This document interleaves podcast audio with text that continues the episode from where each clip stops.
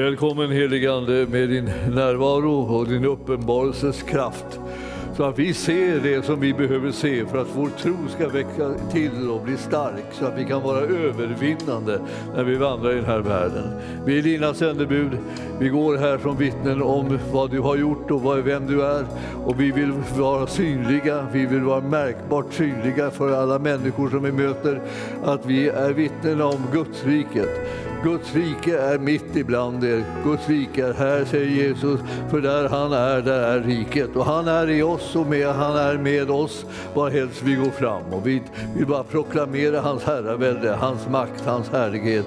För det är detta rike som alla människor behöver få möta och ta sin tillflykt till. Det finns ingenting bättre, det finns ingenting starkare, det finns ingenting mer betydelsefullt än att få vara med och upprätta Guds rike. Vi prisar det för det Herre och vi ber att du ska använda oss till att öppna våra ögon och, och väcka tro i våra hjärtan. I Jesu namn och församlingen sa Halleluja. Vad sa ni? Amen. Tack, ja. Tack lovsångare. Halleluja. Det är härligt, alltså det är äntligen söndag och eh, vi får förmånen att eh, påminna varandra om vilken tro som vi har tillsammans eh, och vilken frälsare vi har och vilken fullbordad gärning han har gjort. Alltså. Det får sådana konsekvenser i våra liv så vi har bara liksom nosat lite i kanten ännu. Men vi ska försöka se till att det liksom slår ner som en bomb. Och, liksom, och, eh, eh, och, då ryker all smörja och då kommer all härlighet att flöda in i våra liv. Så jag ser fram emot det här. Jag tänkte idag så här, eh, jag tänkte och tänkte, jag, jag ska tala lite grann om det tolfte kapitlet i Hebreerbrevet. Och, eh, vi har talat om Hebreerbrevet ett tag och eh, förra, eh, förra kapitlet här i Hebreerbrevet som, vi, eh, som jag talade om en del var, det, det var de här fantastiska eh, eh trosvittnena. Och det är, nu, nu när man läser i kapitel 12, vers 1, så, så står det liksom att vi har en sån sky av vittnen runt omkring oss.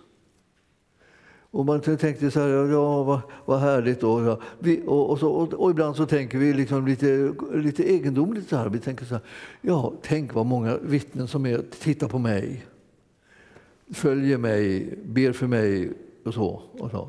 Eh, det är vittnena. Nej, men så det är tvärtom. Det är du som ska titta på dem. Om du inte har kommit på det än så vill jag rekommendera dig varmt. Titta på dem. Hela elfte kapitlet handlar om att, eh, att titta på dem. Vad gjorde de för någonting?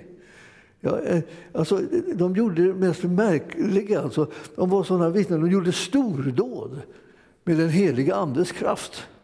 De gjorde någonting som, som man kan säga gjorde gensvar till Guds kallelse i områden. Man kan säga kort och gott, det, sånt där kan man ju inte göra. Det finns ingen människa som kan klara av de där uppgifterna som de fick. De gjorde det ändå. Och du vet att jag älskar det här liksom, liksom att göra det ändå. Eller göra det i alla fall. Fastän det liksom är stört omöjligt. Vi gör det ändå. Varför då? Därför att Herren säger gör det. Då, är, då, får vi räkna med hans väldiga kraft och styrka. Och jag, tänker jag tänkte på Moses. Va? Alltså, genom tron så lämnade han Egypten, stod det, stod det i elfte, elfte kapitlet, här, vers eh, 27. Eh, utan att frukta för kungens vrede. Därför att han liksom såg den osynlige kunde han härda ut. Vilket bra fokus! Alltså, fäst blicken vid den osynlige så kommer du inte härda ut. Det vill säga, du kommer att ta dig igenom. Du kommer att kunna genomföra och fullborda loppet som Herren har gett dig att springa. Du, du behöver inte liksom hålla på och titta åt fel håll hela tiden. Omständigheter är inte vår kallelse. Det är, liksom, det är inte det. Så, så, titta, hitta en omständighet som säger att liksom, det här kommer aldrig att gå. Vad tittar du därför då? Du ska titta på den osynliga. Ja, då kan man ju undra naturligtvis hur i all världen kan man titta på den osynliga? Ja, så du, du kan titta på alla spåren som finns av honom. Du kanske behöver titta liksom lite vad, vad de olika trosvittnena vad, vad hade de för spår? Vad satte de för liksom märken på något vis i livet? Alltså? Här kunde, här kunde det här liksom slavfolket nu då, som Israels barn var i Egypten plötsligt resa sig upp och eh, gå därifrån. Jag menar, eh, Egypten det var den största, liksom starkaste makten i världen som var känd då. Så. Den var suverän, alltså på, liksom, den, den, den förtryckte vem som helst som bara stack upp näsan. Och då reser sig det där slavers, nerslavade liksom folket, liksom, då reser de sig upp och, så, och Moses har bara sagt släpp mitt folk. Alltså, de trodde inte det var sant. Och liksom, jag menar, eh, vad är det för något konstigt? Han kommer och säger släpp mitt folk. Tror, hur tror man egentligen att saker och ting fungerar här i världen? Ja, han trodde att det fungerade så att Gud hade gett honom auktoritet och därför så kunde han befria folket och han kunde förändra deras livssituation. Och han kunde ta dem med sig fast de egentligen liksom undrade bara, vad kommer han den här uppkomlingen och ska lägga sig i det här? Jag har inte sett röken av honom på åratal. Så kommer han och ska lägga sig i vad, vad, som, vad som ska ske och se, utsätta oss för en konflikt mellan den här, det, här verkliga uh, urstarka eh, landet som Egypten var och, och, liksom, och riskera våra liv och våra familjers liv. Kommer han att skapa den här konflikten? Ja, han hade ett uppdrag. Och han kunde säga saker och ting som, som man kunde tänka, det hjälper väl inte? Man kan inte gå till farao och säga bara, släpp inte folk. Vad ska det vara bra för att gå och säga det? Han blir bara arg. Det är ungefär som folk tänker när de, när de börjar någon gång att vara med om att driva ut en ond ande som håller på att göra en människas liv fullkomligt förfärligt. Och så behöver man driva ut den här onda andemakten. En del tänker på så här, ja men tänk om den blir arg. Jag vågar inte mucka gräl med den, tänk om den blir arg. Nästan alla som har liksom varit inne och nosat på det där, sina första steg de blir nervösa. Liksom, tänker, jag vill inte reta upp dem. Tänk om de hoppar på mig i milde tid. Men du vet att det var en fråga om auktoritet där. Alltså. Det finns en auktoritet som, är, som, som inte håller på hela tiden säger hjälp, den är starkare, hjälp, jag vågar inte, tänk om jag retar den och så. Utan det är, tänk om jag retar hela Egypten. Va? Komma där och säga så här, släpp mitt folk. Tänk då kanske de blir arga. De kanske kommer med sina trupper, de kanske kommer att fängsla mig, de kanske kommer liksom att göra mig liksom alldeles för kort genom att kapa av huvudet på mig. Vem vet vad de hittar på? De har all makt, trodde de. Tills det där oerhörda ordet kom där med auktoritet. Släpp folket. Och när de då skulle sedan, när folket satte sig i rörelse och gick från Egypten, ja, då, förmådde de inte göra någonting. De tänkte vi tror inte det är sant. De går. Och de gick. Och sen småningom när de inte såg dem längre så, här, så började de tänka så här, Nej, men det här kan vi inte tillåta. Så samlade de ihop hären och började jaga dem. Men det var för sent. Det hade blivit liksom ett stopp genom att ett ord ifrån Gud talades ut till, till folket. Det blev ett stopp. De kom, de kom av sig. Deras makt försvann, liksom som om den rann ut bara. Och där stod de som liksom fån och tittade på hur hela deras liksom, arbetsstyrka liksom där, eh, bara vandrade iväg. Och sen det ju, blev det ju inte lättare för att de vandrade genom Röda havet också. Det var ju naturligtvis en oerhörd utmaning och då försökte de göra samma sak i egen kraft. Och det Röda havet liksom översvämmade dem. Men undren skedde därför att det fanns tro. Se på dem bara, hur de gjorde, de gamla, i tro. Tog sådana steg. De liksom såg den osynliga och därför så blev de fullkomligt oövervinnerliga. Det blir vi också. Amen. När vi tittar på rätt ställe. Oövervinnerliga. Jag var, jag, jag, nu är jag ju ingen ungdom direkt. Men jag, och det gör ju det att man har varit med om en annan eh, erfarenhet med Gud. Där han har visat sig mäktig. Alltså, han, han visade sig så mäktig så att man, kan, man tänkte så här innan, det här kommer aldrig att gå, tänkte man. Men, men så var det någonting som gjorde att man gjorde det ändå. Det som Gud sa. Det, det går inte. Men man gjorde det ändå. Någonting egendomligt inträffade i ens liv. Alltså. Man kunde inte liksom hejda sig själv från att göra det som inte går.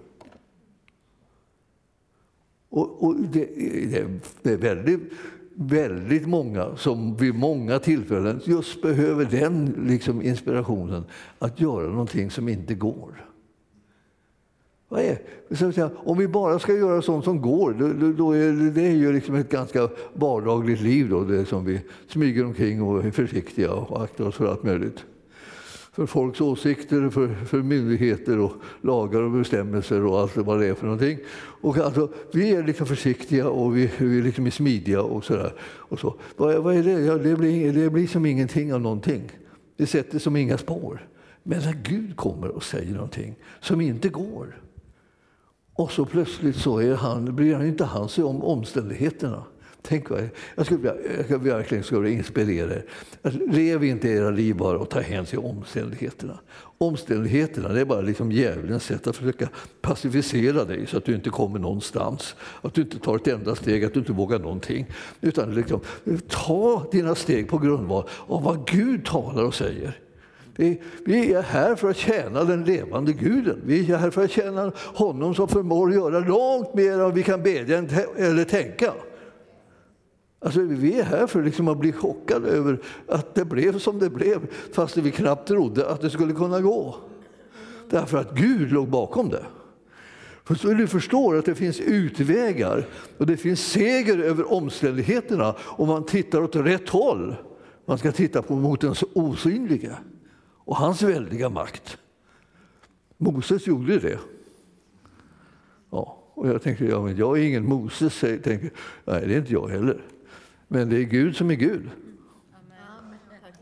Ja, du förstår? Att du inte är Moses och jag inte är Moses, det är en omständighet. Det bryr vi oss inte om. Men den osynlige, det är Gud och han är vår Gud. Och därför så är det som att han är densamme och därför kan han göra vad helst han vill med, i vilken människas liv som helst som öppnar sin dörr i tro för honom och säger kom Herre och verka det som är din vilja. Jag tänker inte liksom stå där och bara titta på omständigheterna och tänka så här, hur vad svag jag är. Usch vad liten tro jag har. Och ingen, vilken erfarenheter jag har. Alltså de har alltid bara hakat upp sig och gått åt skogen i, i livet och här står jag liksom och darrar. Och, och, så, och så kommer han och säger att jag ska göra det omöjliga. Och så tittar jag på det omöjliga så till den milda grad att jag nästan är redan på språng ut att gömma mig någonstans så att jag inte drabbas av något elände som, som är av omöjlighetens liksom sort. Istället för att jag vänder blicken och ser på den osynliga. Du och jag har en, en enorm kallelse att våga vara så närvarande i vårt liv så att vi tänker så här, vad ska jag ta mig till? Jag ska se på den osynliga. Ja, du, du vet att eh, det här, det här han säger så här, ni, ni, när ni alltså har en så stor sky av vittnen omkring er sådana som ni kan se på gjorde samma sak, nämligen tittade på den osynliga. Ja. Låt oss då lägga bort allt som tynger. Vi lägger bort det. Alltså, jag känner ibland så här, ett evangelium. Att, att kunna lägga bort saker som man omöjligt kan lägga bort. Alla som liksom vet, alla, allt som kan tynga en, allting som kan liksom trycka ner den och göra den liksom maktlös och, och, och försvagad och eländig och hopplös och, och, och omöjligheterna står ända upp i halsen. Liksom och, så här. och man tänker, och, och så här är det då. Och vad ska man göra då? Då säger han så här, nu har du en sky av vittnen runt omkring dig som var i samma situation som du. De hade ingen kraft, de hade ingen förmåga, de hade inga möjligheter. De klarade inte upp den situationen som de stod i. De stod, hade den rakt inför näsan så här och tänkte så här, det här går åt skogen. Och så, så vände de blicken och tittade på den osynliga. Och så såg de, han sa, det här går bra, nu går vi, nu gör vi det. Och så gjorde det plötsligt och bröt igenom istället för att du hamnade under. Du blev inte besegrad, utan du blev en som segrade. Jag pratar om ditt liv. Alltså. Mitt liv. Vi vill, vi vill, ha del av det livet som de här vittnena talar om. De, här, de säger liksom, hur, hur kunde det gå så här? Hur kunde de ta sig, gå genom havet när de gjorde det omöjliga? Och så jag, men det är ju Moses, nu sluta upp nu. Liksom Moses han, får, han har ensamrätt på att gå genom havet. Liksom.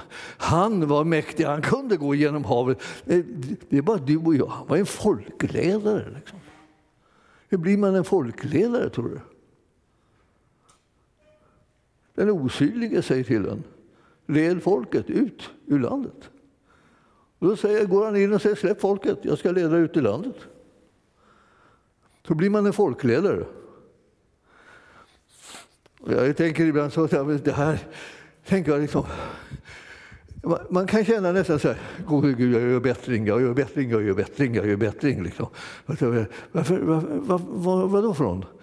Från, från det att, liksom inte, att jag inte tar tag i de där orden som är de där som gör att jag kan komma ut i frihet fullständigt själv och dra med mig folk ut i frihet så att vi kommer att bli folk som man inte kan hejda utan som bara går på det som Gud talar till oss. Du förstår att du, jag skulle vilja att du tänkte så här, jag ska förbereda mig på att bara säga ja istället för att säga nej.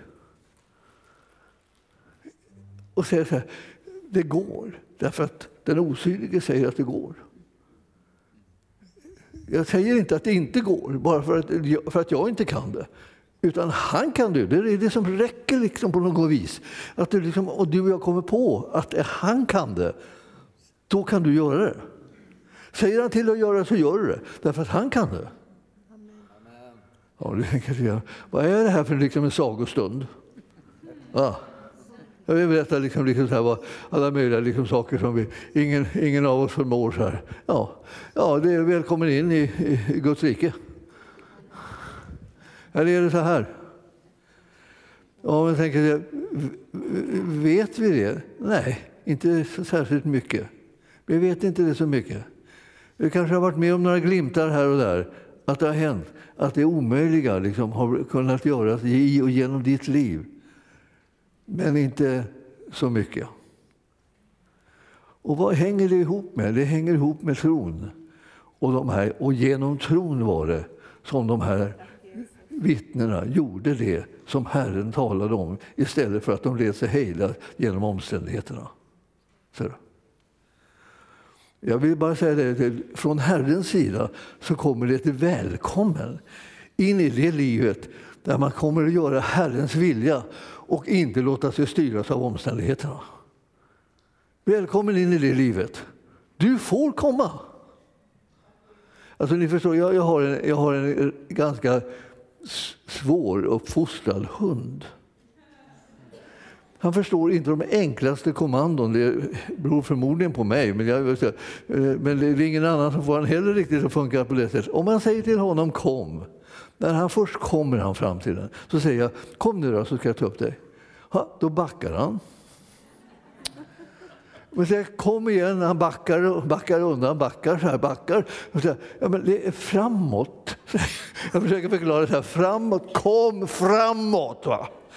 Tappar, liksom, nästan, jag tappar nästan humöret på honom bara för att han är så korkad. Liksom. Kom åt det här hållet, du vill ju komma, kom nu då. Och då sitter jag så här, du får komma, kom, kom då.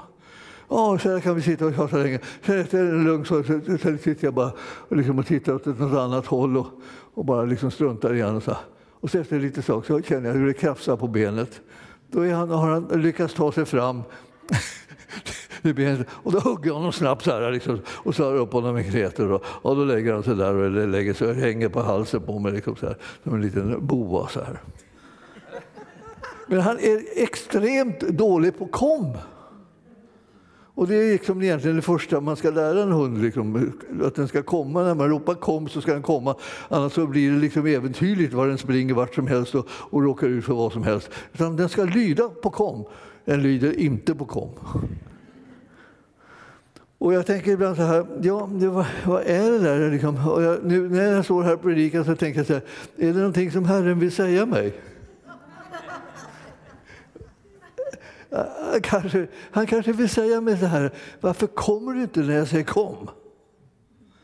Varför går du inte när jag säger går? Vad är det med dig? Är du korkad? jag tänker, korkad kan man väl inte säga i det här sammanhanget. Ja, vad ska man säga då? Du förstår ordet i alla fall. Ja. Han säger kom, va? och vi kommer inte. Och vi sitter och funderar på om det går, om, det, det kan, om, det, om vi kan. Och, om det här, ja, och, så, och, så, och så, så, blir vi där och bara hasar omkring liksom och, och, liksom och, och hittar på den ena invändningen efter den andra varför det här inte skulle kunna gå att göra, det som Herren säger. Och det förklarar att jag, jag, känner liksom att hur, hur mycket liksom har liksom gått förbi en av all den härlighet och alla de under som Gud vill göra därför att vi liksom invänder med vår oförmåga och säger ja, det går inte, jag kan inte det där, det, det klarar inte sånt där, det är ingen idé att försöka det. Det verkar rent fantasifullt bara. Jag, vet att jag, jag, jag, jag har märkt att Gud han är mycket större än alla våra fantasier. Man blir chockad ibland liksom vilken herre man har när man, när man tittar åt det där andra hållet än omständigheterna. Tänk, tänk, tänk vilken mäktig Gud, kommer ni ihåg den sången? Vilken mäktig Gud, vilka är det som har den? Vi. Vilken mäktig Gud vi har. Va? Vad sjunger vi den för? ja, vi sjunger för, med en slags förhoppning om att vi ska komma på att vi har en mäktig Gud, kanske. Eller så sjunger vi den för att den är lite hurtig och trevlig. så. Man kan ju tänka det också. Liksom ska vi sjunga den lilla trevliga sången. Och så sjunger man den då. Och, så, och kommer inte på ett dugg vad man sjunger. Vilka, vilka, vilka, vad, vad, vad, tänk vilket, vilket jobbigt det måste vara för Gud. Om, ja, nu, jag tänker att han är lite mänskligt så här och då. Tänk vad jobbigt mot måste. Alla de här som han kallar på, alla de här som, som, som ska liksom tro honom om att kunna göra vad helst. Och så här. Och eh, då nu står hela skaran och sjunger vilken mäktig Gud vi har. Och ingen, ingen, ingen bryr sig om att räkna med det när det kommer till kritan. Nu överdriver jag ju, för att eh, jag vet att det finns en del som räknar med det. Men, men jag menar alldeles för få och alldeles för sällan räknar vi med att denna mäktiga Gud, han förmår göra allt vad helst ni ber eller tänker. Mycket mer kan han göra det med. Han kan liksom spränga gränserna. Man kan tänka att det är inte möjligt. Nu pratar, pratar vi nu verkligen om sanningen? Och du säger så här, är det så här du lever då Gunnar? Är det så? Är det så? Ja. Ibland. Alltså, pinsamt, pinsamma sanningen är ibland lever jag så här. Och jag märker att Gud är mäktigare än jag har kunnat ana.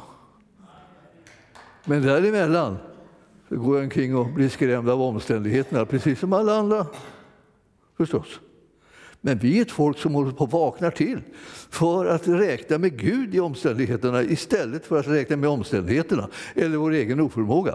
Vad ska vi göra med dem till? Det är väl ingenting att uppmärksamma. Vi behöver inte sitta och liksom, ska vi jämföra varandra hur, pass, hur lite vi, hur vi kan eller vad, hur svaga vi är. Eller, eller så vad, vad, är det för någonting? Det, det är fullkomligt ointressant. Det som är intressant med oss det är att han är mitt ibland oss. Han som har all makt i himlen och på jorden, han är mitt ibland oss. Han bor i våra hjärtan och han har all förmåga att kunna göra vad helst han vill. När det finns någon kanal som anmäler sig och säger här är jag, använd mig. Och jag tror att vi alla har sagt det vid olika tillfällen när vi har liksom blivit desperata i situationen och tänker gode Gud kan du inte använda mig, jag är, jag är villig, jag står här, jag står här. Så Och du vet att efter det så säger han någonting till dig om att han vill använda dig. Och då blir det liksom nästan, får du nästan kårar, kalla kårar liksom, och tänker vad, vad läskigt. Va, va, ska jag göra det, jag som inte kan? Nej, men han kan. Jag skulle vilja önska att jag kunde liksom predika ordet han kan. Så att det liksom gick in i varenda hjärta och väckte en levande tro. Så att vi skulle kunna börja göra det som är Herrens vilja och inte vara rädda för att, saker, att vi själva inte förmår det. Det, vi, det är ju fullständigt onödigt att, att hålla på och oroa sig för varför att inte vi själva förmår det, när vi har en Gud som kan. Eller vad har du för Gud? Har du en som inte kan? en liten svag en, liten som darrar runt. där. liksom. så liksom darrar ni i korus efter. Liksom. Nej, du vet att det här är mäktigt. Alltså jag, och jag, jag, har, jag har alltid tänkt så mycket, ganska mycket på Noa. Inte för att arken är någon ark, eller en båt, utan, utan bara han var en sån här man som, som fick en sån här vansinnig, liksom, vansinnigt uppdrag. Eh, liksom, så vitt man förstår, mitt på torra land så skulle han bygga en båt. Och det var ju liksom, man körde inte med båtar där. Och så. Man, det var, båtar det var ju liksom uteslutet, vad ska man dem till? Det var ju mitt på torra land. Men där var han i alla fall. Byggde han, byggde han en sån fruktansvärt jättelik båt. Det såg ut som en liten oljetanker liksom, storleken. Ingen hade sett på maken och alla trodde han var fullständigt från vettet.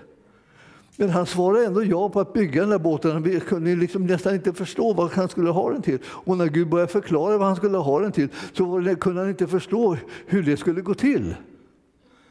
Han skulle fylla hela båten liksom med, med massa djur. Va? Han visste kanske inte ens från början vad det var för några. Jag vet inte hur pass intresserad han var av djuren. Han kanske hade bilder på dem hemma eller ritade av dem. Så här. Man vet ju inte riktigt vad Noa hade för intressen. Men, men, förmodligen så var det alla sorters djur alltså skulle det komma. Och det, det, det, det är ju, det är ju fler än någon människa riktigt kan hålla i huvudet på en gång. Och där, alltså allt var omöjligt. Hela tiden var det bara omöjligt, omöjligt. Och till slut var det, var det omöjliga färdigt. Och sen till slut så kom allt det som var omöjligt vandrande. Och, och in i botten kom de allihop. Och sen stängdes det till och sen hände det som var helt omöjligt, nämligen att det regnade så till en milda grad att liksom hela jorden, hela världen försvann från hans ögon. Ni förstår att eh, en, en person som börjar göra de här omöjliga sakerna kommer in i en annan sfär. Och ni måste att Gud har gett makt och auktoritet till oss att vara präster och kungar, att regera i den här världen, att kunna göra saker och ting som gagnar hans rike, som gör att hans rike utbreds och byggs upp. Alltså så att det övernaturliga verkligen blir liksom någonting som blir mer och mer naturligt bland Guds folk. Nu för tiden bland Guds folk så börjar man märka att de tror inte på helande längre. Jag tänker, det är ju liksom roligt för oss då, då som håller på att predika helande hela tiden. Alltså, folk tror inte på helande. Nej, de tror inte på helande. Det är det enda som upptar dem. Är liksom, hur, tror, hur, hur blir det om man inte blir helad? Vad, vad, vad, vad, händer då om man inte blir helad när man ber för folk? Vad händer om man om man inte blir helad? Ja, det, det, är fel fokus. Vad händer om de blir helade? Ja. Vad tror du händer då? De är, de är sjuka, allt är liksom hopplöst, omöjligt, förgäves. Allt är på väg åt skogen. Liksom. Livet är nästan slut, man har tagit ut döden, man har varit med om sin egen begravning flera gånger i fantasin. Och så tänkte jag att det här kommer att gå, så här blir det. Så jag bara, det är bara, ja, det är bara en tidsfråga så är det färdigt. Och så, så får man höra att Herren vill bota en. Om det är någon som vågar säga det. Kanske Herren vill bota en, men ingen vågar tala om det. Så då sitter de där och väntar på döden istället för att de sitter där och väntar på livet. Som de kunde göra om det var någon som vågade tala om det. Vi har fått ett uppdrag. Och många av oss har fått en erfarenhet och som de skulle kunna dela med sig och vara ett vittne om att Gud är den som gör under. Alltså jag, jag tänker på det liksom ibland, så här, man, hur många egentligen som har blivit helade när Herren har gripit in liksom i deras liv. Jättemånga bland oss. Men om vi inte är vittnen så väcker vi ingen, ingen tro på att Gud kan göra under. Då, då, då, då drunknar man alldeles i, i det omöjliga, liksom, att det, Gud kan inte rädda en. Jo, det är just vad han kan. Så att vi, vi måste försöka liksom, hitta spåret där man går, där man väcker tro, där man vittnar om att Herren är undrens Gud. Vi tror på honom. Vi litar på honom, vi väntar, förväntar oss hans makt och hans kraft i livets alla omständigheter. Det är inte plötsligt att det finns en massa omständigheter. Ja, det är här är nog ingen idé. Eh, det är inte den guden vi pratar om. Jag har hittat en annan gud. Liksom, som, liksom, som sitter och stönar över så här, hur ska jag kunna klara alla de här sakerna? Det här går ju inte. Jag har ju mycket begränsad kraft. Ja, det är inte, den krist, det är inte krist, kristen Gud, utan du, du, kan, du kan bara spola den. Du, du, måste hitta honom som har all makt i himlen och på jorden, för vilket ingenting är omöjligt. Förstår ni? Jag, måste, förstå att jag, jag vet inte hur jag ska säga det här för att du liksom kanske ilsknar till och börjar tro på Gud. Eller, eller ilsknar till över att inte tro på Gud. Eller ilsknar till över omständigheterna och situationerna. Att de får bara vara i fred när du är den som har makten och känner honom som har kraften till att förvandla människors livssituation. Ja, jag ska inte bråka med er. Det här, det, här, det här kallas för att försöka ordna väckelse. Att jag försöker väcka er mera än, än bråka med er. Jag försöker väcka er. Så här. här sitter vi liksom med, med hans namn mitt ibland oss. Här sitter vi med, och är den heliga Andes tempel. Hur känns det? Ja. Det man räknar med hans närvaro och kraft. Den heliga Andes tempel, det är vi. Jag, jag vet inte riktigt Eh, om ni, om ni skulle vilja vara med om att, liksom, att Gud kliver in och börjar eh, göra sina gärningar och verka. Så, eh, om, du är, om det intresserar dig, liksom, då måste du säga välkommen. Så. Vi behöver dig. Det är alldeles uppenbart att vi behöver honom. Och utan, utan hans kraft så är, liksom, kan vi säga, så är vi utlämnade till oss själva. Hur känns det? Det känns, det känns inte bra. Jag tänker, ska vi sitta här liksom och, och, och, liksom och ge upp i, i, i klump? Liksom? När vi skulle kunna vinna seger. Herren säger inte alls liksom så här, ge, ge upp, ni, ni, ni, ni, kan ingenting, orkar ingenting. Och så kommer, kommer den här predikanten och säger att vi ska tro också. Och då börjar man tro att det är liksom en, en extra börda. Så här. Det är ju liksom bara en konsekvens av att man hör evangelium. Alltså att Herren har liksom kommit och vunnit seger över synden, döden och djävulen. har trampat alla sjukdomar, han besegrat alltihopa det där. För att du och jag ska kunna bli delaktiga av det och för att du och jag ska kunna dela med oss av det till andra också. Därför att vi har blivit, fått del av det här övernaturliga livet som Herren har liksom eh, skildrat liksom i sin bok, va? Där, det står om sanningen. Liksom. Eh, eh, och vi, vi, vi kan läsa det vi kan läsa det och läsa det och läsa och läsa och efter det så, så bara liksom kommer det som en liksom våg över oss av tro att det, allt detta är helt enkelt möjligt. Alltså. Vi, ska, vi håller, kom, håller, på med lite tv liksom på sån här, för att eh, webb-tv här, alltså, kommer, för att komma igång med det. Vi ska ha många vittnesbörd. Var, var, med och, var med och ge ditt vittnesbörd om vad Gud har gjort. Ni förstår, kan hända har vi varit lite för tysta med vittnesbörden.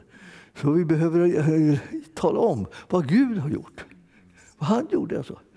Alltså, ni förstår att när jag kom in i det här eh, området med helande, då berodde det liksom uteslutande på att jag, att jag mötte ett helande som var så häpnadsväckande så att, så att jag kände, så vad är det här? Alltså, det, här är ju, det här är ju någonting som jag alltid trodde hände bara ute i, på, i missionsfältet. Jag tyckte, allt det här, jag, jag, har, jag har hört under hela min uppväxt om hur, vad som hände under på missionsfältet. Och I mitt fall låg missionsfältet då i Kina, där, där, var hela släkten verksam. Så att jag hörde hela tiden berättelsen om, det där, om hur det var i Kina. Och under och tecken och befrielser och, och helanden och så här, så här. Så det var klart, de hade ju ingen sjukvård att tala om. Liksom. Det var lite okulta gubbar och gummor. Så här. Men annars var det ju ingenting. Så det var, så att det var ju det var ju bara det, man måste vända sig till Gud. Och han gjorde under där. Men var, här i Sverige här har vi, har vi sjukvården. Ja, nu, vi, nu, nu, låter inte det som ett tröstens ord riktigt längre, men det gjorde, var väldigt tröst förut. Då känner man liksom sjukvården, halleluja. Då går, då går man dit liksom och, så, och så botar de en på fläcken liksom och sen så är det klart. Liksom så. Men nu vet man inte riktigt hur länge kön varar och hur länge livet varar. Om kön och livet liksom kan hänga ihop. Man dör liksom innan man kommer fram i kön eller, eller något. Ja, jag ska inte gyckla om det där, men jag vill säga det, det är inte det här som att det är hela lösningen bara. Utan det är så här, att för oss så är den stora lösningen vår Gud som kan göra under. Och det kan han göra överallt kan han göra liksom när vi kommer i sjukvården, men han kan göra det liksom när, vi, när vi inte är där också. Han, när vi vänder oss till honom, bara, han helar oss bara helt enkelt. Men ni förstår att när jag fick se att han kunde göra under på någonting som, jag, som, som gick så snabbt och så hastigt så att det inte... Jag kunde inte för mitt liv förstå hur det kunde hända. Om man inte räknar med Gud då. Men Gud brukar ju bara vara i Kina för mig. För jag menar, det var liksom lite långt, man kunde inte åka dit. Och så plötsligt så är han här i Sverige. Ja. Och gör sådana där under som man bara, bara häpnar över. Jag blev så chockad över det där så att jag, jag, jag satte igång och letade efter litteratur så jag kunde läsa. Då. Först hittade jag bara sån här litteratur från olika samfund som inte trodde på helande. Som, som skickade ut missionärer som höll på att dö liksom, och, och, att de blev satta av onda andar och sånt där. Det var, det var riktigt deprimerande.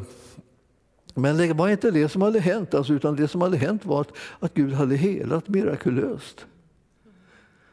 Och jag, jag var vittne till, liksom, på något sätt, till det här. Jag kände att det här, det här, jag måste leta vidare. Jag letade vidare. Till slut började jag hitta de här liksom, i väckelsesammanhangen. Att det fanns liksom sådana signaler om, om, om att man kunde bli helad. Man hade alla möjliga olika teorier liksom om hur man kunde bli helad. Men, men, men det mesta var liksom att Gud kom in och bara helade liksom på något sätt och ingen visste riktigt varför liksom, eller hur det kom sig. Men så småningom så började det komma dyka upp så här att man kunde ha tro på de löften som Gud hade gett. Och ni förstår, vi, vi, är, vi är beroende av att ha den här typen av hjälp. Eh, den hjälpen har Herren gett oss och, det, och allting som Herren ger oss är sånt som vi behöver. Jag behöver tänka på den själva, den meningen som jag säger till dig. Alltså, när Herren ger någonting, då är det sånt som du och jag behöver. Det är inte sånt som du kan hoppa över. Som du kan säga, ja, ja, det, där, det där får någon annan hålla på med, det är inte för mig. Utan det, när han ger saker och ting, då är det sånt som vi behöver. Så man kan inte säga att vi behöver, ja, helande det är inte liksom mitt område. Eller befrielse det är inte mitt område. Det verkar så, liksom, så eh, kritiserat eller så liksom, eh, ifrågasatt på olika sätt. Så man, eh, det låter jag vara. Du, du har inte rätt att låta någonting vara som Gud säger att du ska använda. När Gud säger att du ska använda det, då ska du använda hans hjälpmedel för att göra det som är det övernaturliga. Vi är de som ska göra det övernaturliga. Alltså av er allesammans skulle jag vilja göra liksom en, en här som gör det övernaturliga. Som banar väg för Guds övernaturliga kraft och vilja in i människors liv och betjänar människor så de kommer ut i frihet och glädje och, och får kraft och undren sker i deras liv. Hur många år ska de sitta och bara vänta på det, att det ska ske bara för att ingen säger att det eh, kom till mig? Jag har fått mandat att lägga händerna på de sjuka för att de ska bli friska. Jag vet att det ordet som står skrivet om det, lägg händerna på de sjuka ska de bli friska, att det ordet talar till mig. Och det talar till dig. Och det talar till den ena efter den andra här, har hört det tilltalet. Ja, men hur ska folk veta då att det, att det är till oss som ska komma? Då? Ja, de måste, du måste tala om det. De flesta som, är, som behöver det här vet ju inte var de ska vända sig. De bara tänker, gode Gud, tänk om det fanns någon som man kunde vända sig till. Det finns massor! Och därför tänker jag så här, vi ska göra en, en här som är medveten om att de är bärare av makten och auktoriteten att i Jesu namn bota de sjuka. Amen. Man förstår du? Eh, det skulle, det skulle vara, vilken, vilken glädjechock för någon som, som behöver hitta någon. Och så det finns en hel här. Alltså, det, här, det, här, det, här, det här gäller liksom på alla möjliga områden där man vågar börja lita på Gud. När man inte litar på Gud, där händer ingenting. Mer än det elände som man redan har sett genom de omständigheter som har uppstått. Djävulens verkningar liksom på något sätt. Han har redan liksom satt igång det och det rullar på. Och man kan inte stoppa det och man kan inte göra någonting åt det. För man liksom bara, det enda man känner till är jag är maktlös. Men Herren har sagt att ni ska få makt. Alltså, ni ska få makt genom mitt namn att göra mina gärningar här på jorden. Samma gärningar som Jesus gjorde ska du och jag kunna göra, vi som är de troende. Vi har fått makt att göra det. Det här är så alldeles fantastiskt. Och när man tittar på vilka typer av, av gärningar som gjordes. Här, här står det sådana här gärningar som man tänker så här, det här är ju Mose, man kan inte vara Mose, man kan inte, man kan inte vara Noa. Liksom, eh, du kan vara vad som helst som Herren säger till dig. Men eh, förmodligen så får du behålla ditt eget namn. Ja behöver inte gå och heta Mose, det, det, det kommer bli oroväckande av fel anledning kan vi säga. Om du säger mitt namn är Moses. Då tar de hand om dig. Så det är, det är, inte det som är lösningen, men hans gärningar. Min Gud är samma Gud som Moses hade. Min Gud är samma Gud som, som Noa hade. Min Gud är samma Gud som liksom alla de stora liksom, eh, verksamma liksom, kristna liksom, som gick fram i den heliga Andes kraft eh, har, har använt alltså deras, deras gärningar. är de samma som du också kan göra. Därför att Gud har inte anseende till personen. I hans namn ska vi verka under och tecken. Och, och, och lidande bland människorna är jättestort. Ni vet det. Ni kanske lider själva, så då vet ni det. Då måste liksom de som förmedlar helande, befrielse liksom, och hjälp i alla dess former vara ännu större. Det ska översvämma liksom allt detta lidande som finns i världen med det, det helande och den upprättelse och den befrielse som finns i namnet Jesus eh, för människor. Han vill bota de sjuka, Jesus. Han gick omkring och gjorde gott och botade alla som var i djävulens våld. Nu är det en del som tycker att det kändes stötande att han var, de var i djävulens våld. Men de här, djävulens gärningar hade slagit in i deras liv. Vems fel var det? Det var djävulens fel. Blanda inte ihop det. Man håller inte på att säga någonting om människorna där, utan man håller på att säga någonting om att djävulen går omkring och försöker bryta ner människors liv så att de, så, så att de inte kan vara verksamma fullt ut så som Herren vill. Men de ska alltid vara verksamma hur som helst därför vi är verksamma i hans kraft och inte i vår svaghet. Tänk vad Herren skulle kunna göra genom ditt och mitt liv om vi liksom börjar gå med på det lite mera. Alltså, jag skulle vilja säga att man ska behöva gå och ropa det där igen. Här är jag, använd mig. Här är jag, använd mig. Här är jag fortfarande. Ja, jag, jag börjar tänka så här, det är inte klokt. Man är fortfarande här. Och, eh, eh, och eh, en, en kandidat som säger använd mig. Det är han som förmår göra allt det här som, som det är. Det här, det här står så här.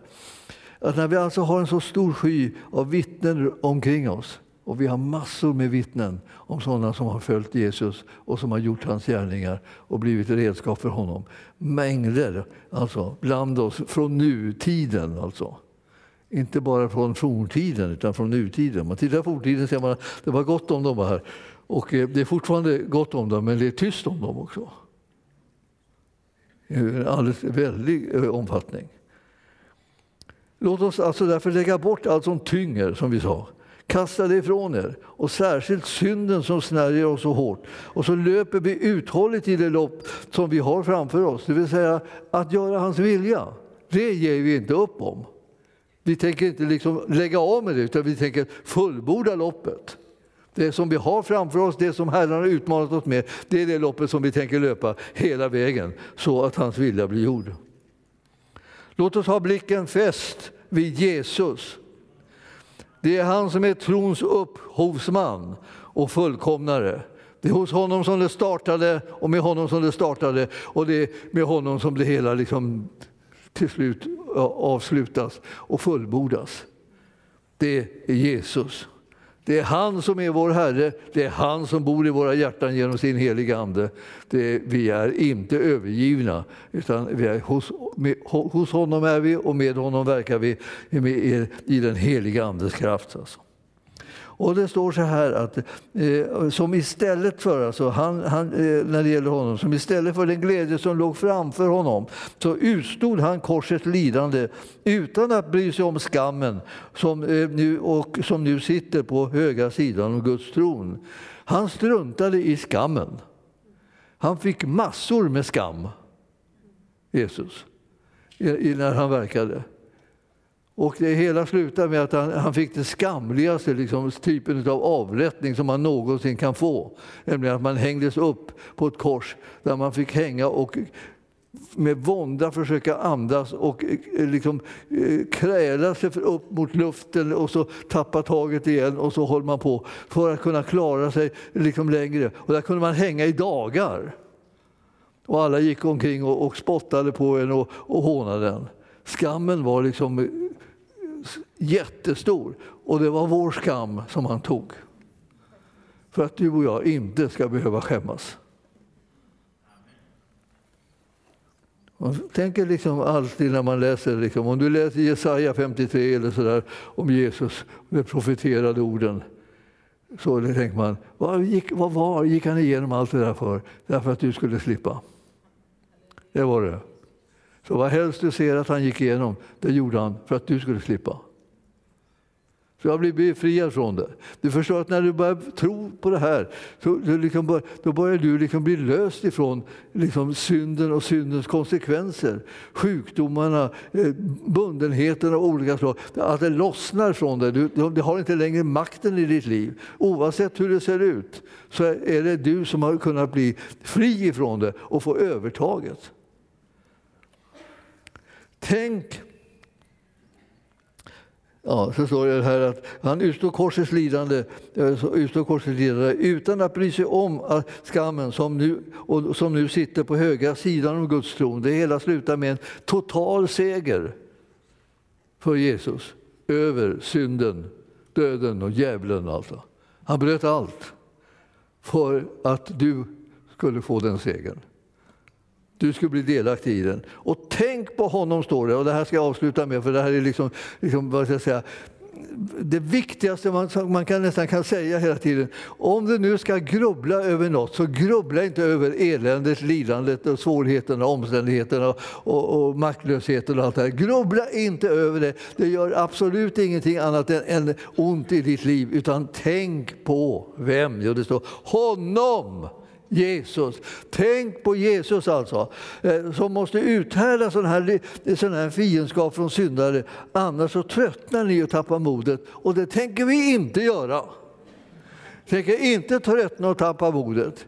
Men Vi, vi, men vi, vi, måste komma ihåg att det är ohälsosamt att sitta och jämföra sjukdomar och lidanden och nöd och mediciner och allt det här. Det är liksom ohälsosamt. Vi ska jämföra liksom oss med, med vad har vi sett om Jesus? Vad har vi sett att han har gjort? Vad har vi sett att han förmår? Vad har vi sett om hans kraft? Vad har vi sett om hans lösningar och utvägar? Det är sånt som vi ska tala med varandra om. Vi ska uppmuntra varandra till tro och goda gärningar. Vi ska liksom inspirera till att leva i Jesu efterföljd och tro honom om det som han har gjort för oss. Så att vi kan bli delaktiga av den fantastiska följden och frukten som kommer utav tron. Nämligen att där kommer helandet och där kommer hälsan, livet och kraften. Där kommer glädjen och där kommer kärleken flödande och där kommer tron som liksom övervinner alla omständigheter. Alltså ni förstår att det här det är så ofantligt viktigt att vi får fokuserar på honom som är den osynlige,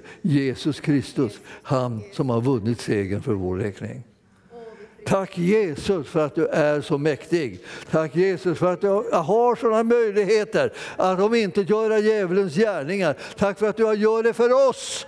För vi behöver det helande, vi behöver befrielse, vi behöver upprättelse, vi behöver hjälp och kraft. Vi behöver utvägar och lösningar, inte problem.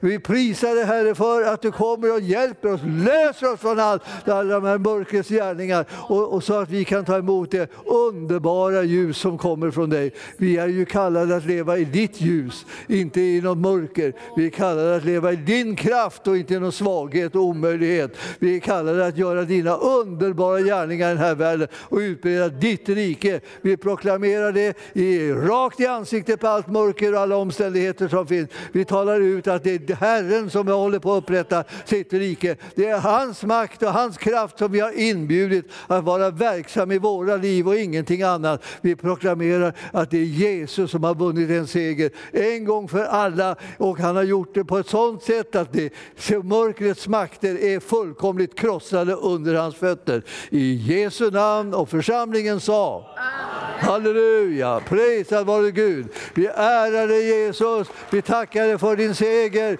Du har vunnit den för oss. Det är det som är sanningen. Detta är evangelium. Segern är vunnen. Jesus har segrat över allt det mörka, över allt det onda, över allt det sjuka, över allt lidande, all nöd, alla omständigheter som försöker skrämma oss. Jesus seger är vår. Och vi prisar dig Herre för att vi får tillhöra dig, att vi får förvänta oss att du griper in och berör varje område som behöver förändras så att segern blir synlig i Jesu namn. Amen, amen, amen. Halleluja. Prisad vare Gud.